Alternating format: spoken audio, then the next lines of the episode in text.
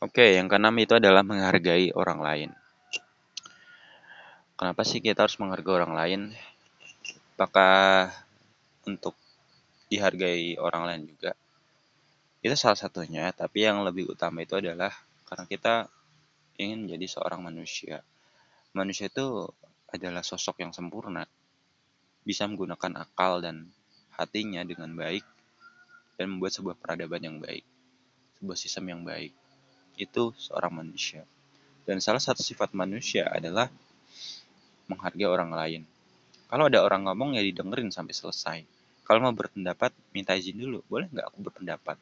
Sekalipun dia orang yang secara status di bawah kita. Karena status, jabatan, kedudukan itu di luar manusia. Itu bukan manusia. Artinya apa? Manusia itu ya kayak gini. Diciptakan Tuhan apa adanya, tanpa status, tanpa jabatan, tanpa kedudukan, nggak memandang usia, ya kita harus menghargai orang lain. Contoh kalau kita ngomong sama tukang becak, kita posisinya seorang pejabat. Dia mau gimana-gimana juga kita harus dengerin dia ngomong sampai selesai dan minta izin kalau mau berpendapat, sekalipun kita pejabat. Pak, boleh saya berpendapat nggak? Kalau dibolehin, silakan berpendapat tapi secukupnya. Dan itu juga ada etikanya. Dapat Bapak bagus. Begini ini jabarin, salah dia merasa dihargai. Tapi saya juga ada pendapat lain gitu loh. Yang beberapa sejalan tapi beberapa juga murni dari pikiran saya. Itu kan dia merasa oh dia sebenarnya nggak suka sama saya pendapat ini. Tapi dia sopan nih mah menghargai gitu loh. Dan orang kan seneng kalau kita ngomongnya begitu.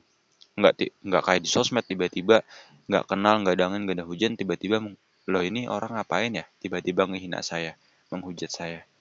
Padahal aku nggak ada salah apa-apa sama dia. Ketemu juga belum. Kok udah menghujat? Itu kan aneh. Dan itu orang kayak gitu sampah nggak usah didengerin. Nah, kan itu di sosmed kan begitu. Ini orang nggak dikenal tiba-tiba mampir ke kolom komentar langsung ngetik seolah merasa paling tahu segalanya itu kan nggak menghargai banget. Artinya dia juga sampah namanya. Sampah harganya berapa sih? Itu nol. Jadi kalau kita mau dihargai orang lain ya kita harus menghargai orang lain juga gitu. Gimana caranya? Mau dia artis mau dia orang biasa mau pejabat kita harus menghargai harus tahu sopan santun gitu. Emang rumit sih karena makin ke sini kok makin banyak ya orang yang menghargai orang lain gitu